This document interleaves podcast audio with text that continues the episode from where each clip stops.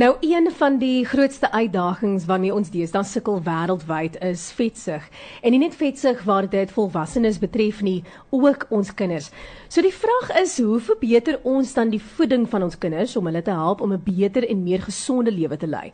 Al vanoggend gesels ons met Anne Marie De Beer, 'n geregistreerde dieetkundige en voedingsbestuurder by Nestlé om meer uit te vind. Goeiemôre Anne Marie, welkom by die ontbytprogram. Goeiemôre. So Anne Marie, waarom staar ons tans 'n situasie soos vetsig by kinders? 'n Mens sou dink dat hul metabolisme nou vinnig genoeg is om oortollige vet te verbrand. Wag, ek het nie nou mooi gehoor nie. Kan jy net weer herhaal asseblief asseblief? Okay, reg so. Ehm um, nee, ek het gevra nou, jy weet, waarom staar ons nou uh, tans nou 'n situasie soos vetsug by kinders? Ehm um, as mense dink oor kinders en hulle soos hulle sê metabolism, ehm um, is dit gewoonlik baie dit dit verbrand eintlik die vetsug. Ehm um, so uh, hoekom is dit dat daar nou ehm um, so 'n probleem is op die oomblik met kinders? So ek ek dink hierdie probleem kom nou al oor 'n aantal jare aan mm. en deel van die die probleem lê nie in die feit dat ons minder aktief is. So dit is waar dat dit wat ons inneem verbruik ons um, en dit is gewoonlik in jou nie noodwendig net jou metabolisme nie, maar dit is ook die oefeninge wat ons doen en die aktiviese aktiwiteit. So oorgewig uh, is 'n baie eenvoudige sommetjie van as mens die energie inneem en jy gebruik daai energie deur fisiese aktiwiteite dan is die ehm um, kom jy op 'n nul balans en dan gaan jy nie gewig optel nie, maar wanneer ons meer inneem as wat ons verbruik, dan ongelukkig word daai ekstra energie word omgesit in vet en dit lei tot oorgewig. En ongelukkig deel van wat nou gebeur in ons land en uiteindelik wêreldwyd is dat ons is nie meer fisies so aktief nie. Ehm um, en dit lei dan daartoe dat ons eet nog gewoonweg, ehm um, ons eet nie net minder nie, maar ons is minder aktief en dit lei dan tot die oorgewig. Hmm veral as jy mos nou maar deesdae uh kry wat kinders heeldag sit in uh, Xbox en PlayStation ja. en weet jy wat alles speel nie en mm. kyk heeldag televisie. Ja. Uh en hulle neem nie noodwendig deel aan sport nie en soos jy sê, hulle is nie meer so aktief soos in die verlede nie. Dan outomaties gaan jy meer begin uh gewig optel want jy verbrand nie daai jy verbrand nie daai kos nie, daai energie. Presies, ja. Uh maar uh, wat wys die statistieke vir ons in Suid-Afrika? So die statistieke ongelukkig skep nie 'n baie mooi prentjie vir ons. Die deel van wat ons nou sien is dat ons in Suid-Afrika wat ons in Engels noem die triple burden of disease het. Ehm um, en dit is half die of nie half nie, die, die probleem daar is dat ons sit met oorgewig, ons sit met ondergewig en ons sit ongelukkig met mikronutriënt eh, tekorte. So in terme van die ondergewig, miskien nie so vinnig, so omtrent 1 in 4 kinders in ons land is kronies wangevoed. Ehm um, ons weet in terme van die mikronutriënte, dit sluit nou die vitamiene en die minerale in. Ehm um, is dit net so 'n groot probleem met ongeveer 'n derde van die kinders wat nie genoeg vitamiene A byvoorbeeld nie. Een uit 10 kinders nie genoeg yster nie. Ehm um, ongeveer een uit 4 kinders nie genoeg ehm um, sink in hulle in hulle sisteme nie.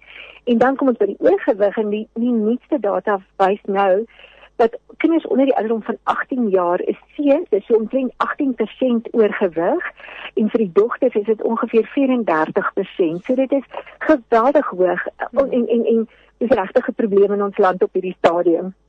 So Annelie, wat is die basiese beginsels wat ouers en versorgers moet weet as dit kom by voedingsbehoeftes vir ons kinders? So ek dink die belangrike goed is en dit is eintlik goed wat ons weet, um, maar nie noodwendig toepas nie. Die een ding is dat ons kinders moet 'n verskeidenheid van kosse inneem. Mm. Groente en vrugte is essensieel. Dit is regtig belangrik dat ons kinders kry om genoeg vrugte en groente te eet. Die ander ding natuurlik is ontbyt. Ehm um, baie van ons kinders eet nie ontbyt nie en en dit is nogal 'n probleem in ons lewe wanneer kinders ontbyt eet, dan het hulle ook genoeg energie vir die res van die dag. Ehm uh, maar nou eet hulle nie ontbyt nie en dan kom hulle by die skool en hulle eet allerlei goeders wat daar is. Ehm um, nie noodwendig die energie of die nutriëntdigte kosse nie.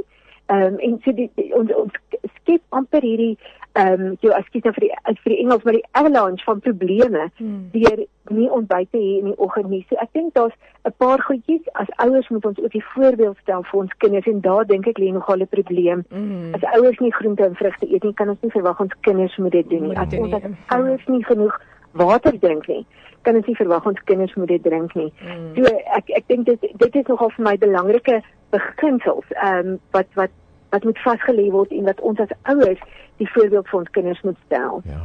Ons gesels met Andri uh, Annelie de Beer van Nestlé, sy is geregistreerde dieetkundige en voeding 'n voedingsbestuurder. Net laastens wil ek graag weet Annelie, hoe kan ons hierdie veranderinge self implementeer? Ja, ek dink daar's 'n paar maniere, maar eh, ek weet ek dink die groot probleem is maar regtig dat ouers nie noodwendig weet wat om te doen en wanneer om dit te doen nie. So ons het 'n program wat ons noem Nestlé for Healthier Kids en ek wil graag die luisteraars aanmoedig om te gaan kyk. Ehm um, ons op die webblad het ons verskeie wenke vir ouers oor wat om te doen um, en hoe om dit toe te pas. En dis klein veranderingkies wat mens maar moet toepas. Dit is nie 'n groot verandering nie. Ehm um, want gewoonlik die groot veranderinge werk nie regtig nie. Ons hou nie mm. daarby nie. Maar as ons 'n klein verandering te begin deur byvoorbeeld seker te maak ons het ontbyt elke dag. Ehm um, en dit volhou en dan begin ons met 'n volgende een. Ehm um, byvoorbeeld maak seker daar's vrugte in die huis of dat ons kinders minstens een vrug 'n dag eet. Dan ehm um, is ons besig om hierdie veranderinge teweeg te bring wat langtermyn is. Fantasties. Anne Marie, baie dankie vir al die inligting. Ehm um, ek dink baie van ons ouers ehm um, jy weet vir die pad vorentoe, 'n mens het altyd nodig om dit te hoor. Jy weet waar kan jy begin en ehm um, you know how can you do it from A to Z, verstaan? So uh, dankie vir die vir die inligting en dankie dat jy by ons aangesluit het vanoggend. Groot plesier en mooi dag vir julle. baie baie dankie selfs vir jou.